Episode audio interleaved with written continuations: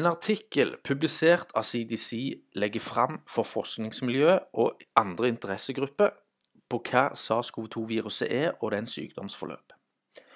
Summert opp, uten å gå voldig spesifikk inn her, så har drøyt 20 virologer gjennomgått og utarbeidet viruset. Det ble i den forbindelse lokalisert 37 basepar av nukleotider i det forurensa RNA-materialet som stammer fra PCR-tester, som er utført på syke individ.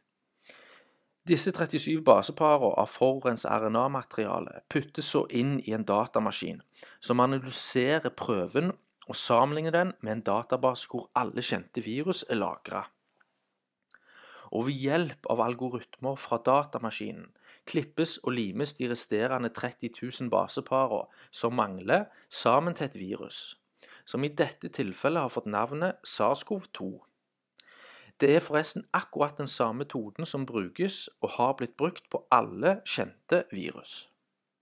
Og siden forskjellige datamaskiner for en sånn sekvensering eksisterer, på samme måte som det finnes forskjellige mobiltelefoner, vil programmeringen av datamaskinene være noe ulik, som forårsaker ulike resultat.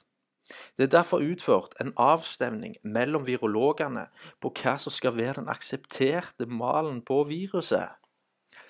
En analogi til dette det vil være, som Thomas Coven eh, legger det fram, at dersom han finner et hårstoff fra en hest, og en bit av en hestesko, og et fragment fra et horn, og putter det inn i en datamaskin som er programmert til å generere fram en enhjørning som du påstår at det er, vil ikke på noen som helst måte være en vitenskapelig påvisning for at en enhjørning eksisterer.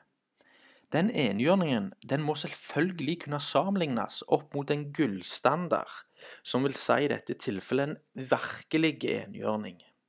Men per dags dato, som de fleste vet, så er en virkelig enhjørning den ikke funnet, og dens DNA og genom er fullstendig uvisst.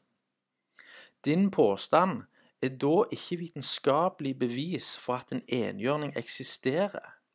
Det er kun en fiksjon basert på datagenererte algoritmer med utgangspunkt i forurensninger.